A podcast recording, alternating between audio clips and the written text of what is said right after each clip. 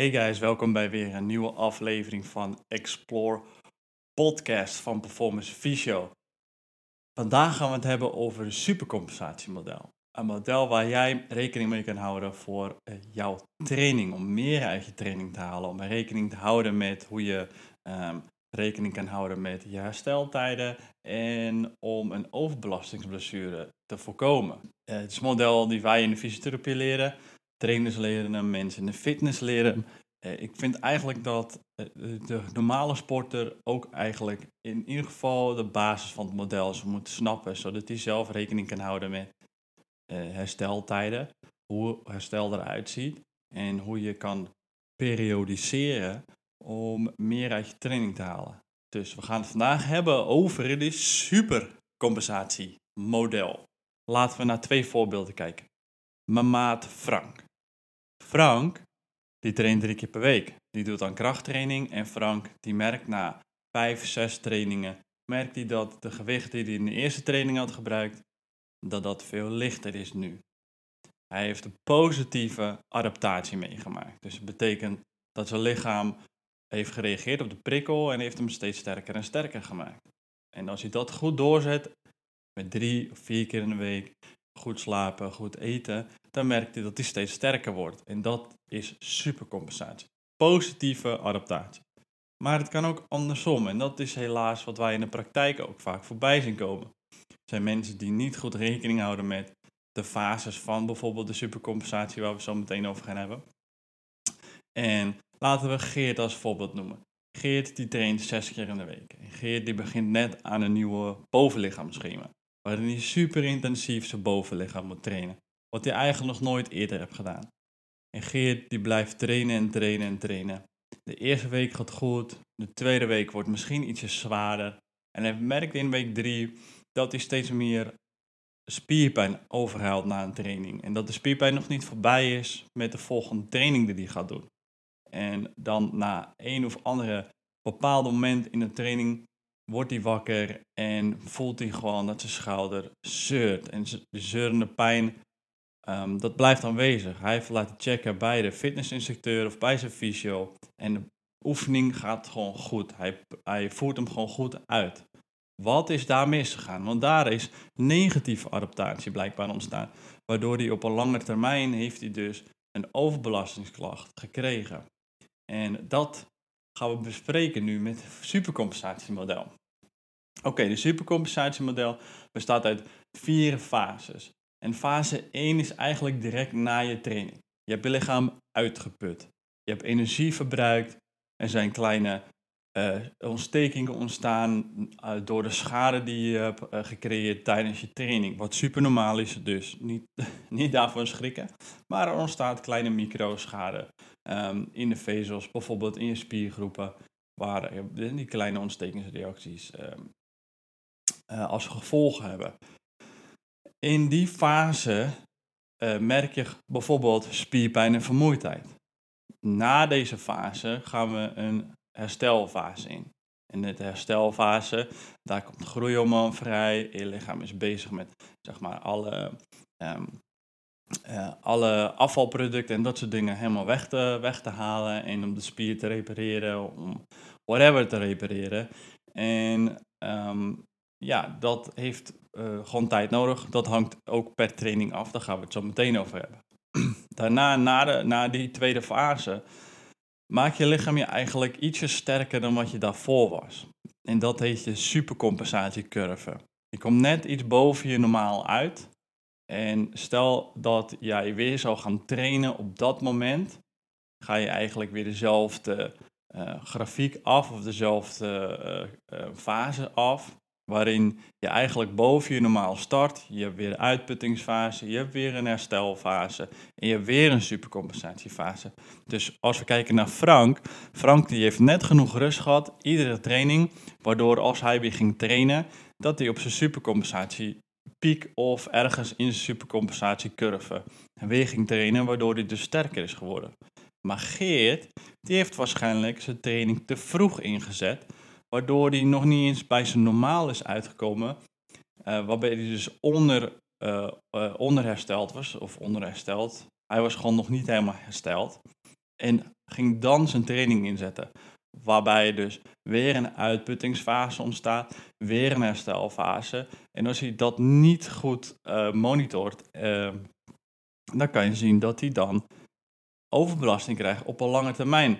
Want de tent is naar beneden. Zoals je in de grafiek hierboven ziet.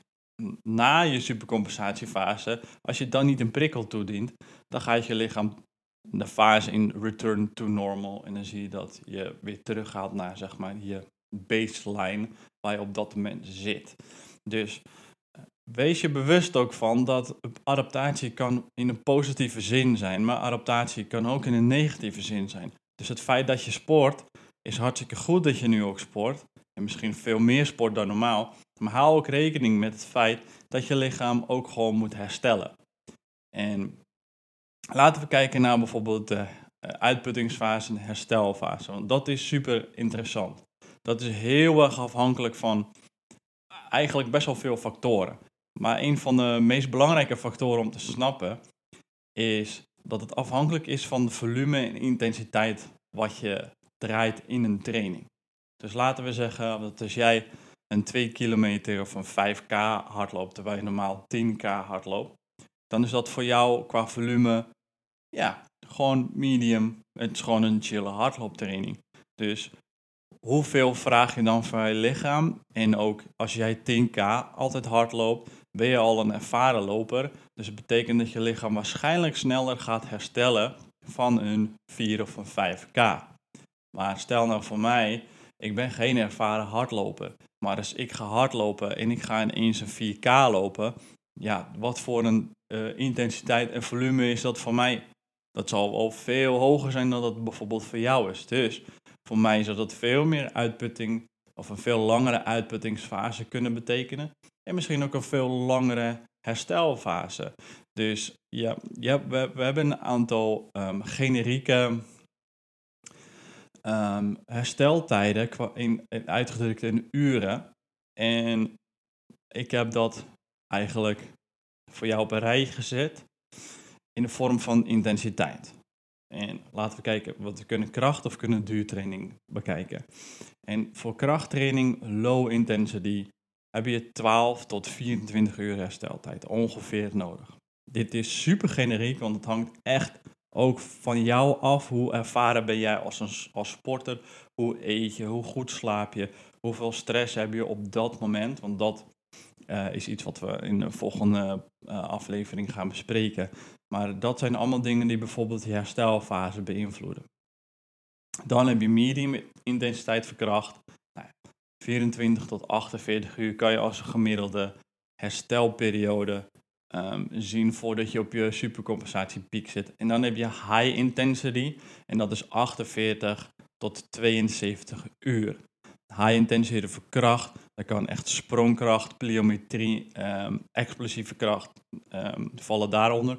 Medium is gewoon je normale krachttraining en low intensity kan bodyweight, bijvoorbeeld bootcamp en dat soort dingen zijn. Nogmaals, afhankelijk van hoeveel volume je daar ook in draait.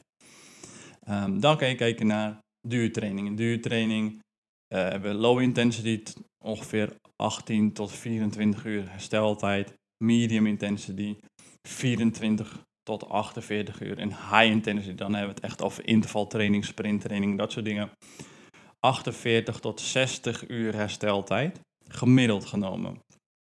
Dus dit biedt je misschien een betere houvast aan hoe je om kan gaan met um, hersteltijden hoe jij meer je training kan halen door juist te kiezen voor een rustdag als je, niet, uh, als je merkt dat je niet genoeg hersteld bent. En we gaan in de volgende aflevering gaan we het meer hebben over parameters binnen je training waar je ook rekening mee kan houden, waar je eventueel ook nog mee kan tweaken. Dus stel dat je dan kiest om toch nog wel te trainen, zou je in een van die parameters iets kunnen veranderen, waardoor je toch nog kan trainen, maar dan zal je zien dat je uitputting minder is, waardoor je herstel misschien um, sneller gaat of je weer sneller op je uh, piek van je supercompensatiecurve zit. Nogmaals, het is een heel erg generieke um, model. En uh, dat betekent dat niet voor iedereen um, even makkelijk is om te zeggen: hey, dat duurt gewoon 48 uur bij jou. Of bij iedereen duurt krachttraining 48 uur. Sommige mensen kunnen meteen de dag daarna al trainen. En sommige mensen die lopen gewoon een week lang rond met spierpijn. En dat is echt per persoon afhankelijk. En dat is iets wat we in de toekomstige podcast over gaan hebben. Dus de volgende podcast episode waar we het over gaan hebben is de FIF-model. Dat heb ik, uh, ik kon niet op een uh, meer catchy naam komen, maar dat staat voor volume, intensiteit, frequentie en herstel. Dat gaan we volgende keer allemaal bespreken. Het trainingstechnisch, maar ook om de bigger picture te zien, zodat je rekening kan houden met, ja, wat zijn dingen in je dagelijks leven waar je rekening mee kan houden. Want je kan misschien alleen maar kijken naar je trainingsplan, maar er speelt natuurlijk veel meer mee um, dan alleen je training wat jouw herstel beïnvloedt. Vond je deze podcast informatie waardevol? Had je er wat aan? Ga naar onze Instagram pagina @performancevisio. Zoek in uh, de IGTV gedeelte, zoek episode 2 op, drop een comment, tag je trainingsbuddy. Laat eens weten wat je ervan vond. En we zien jou met de volgende episode terug.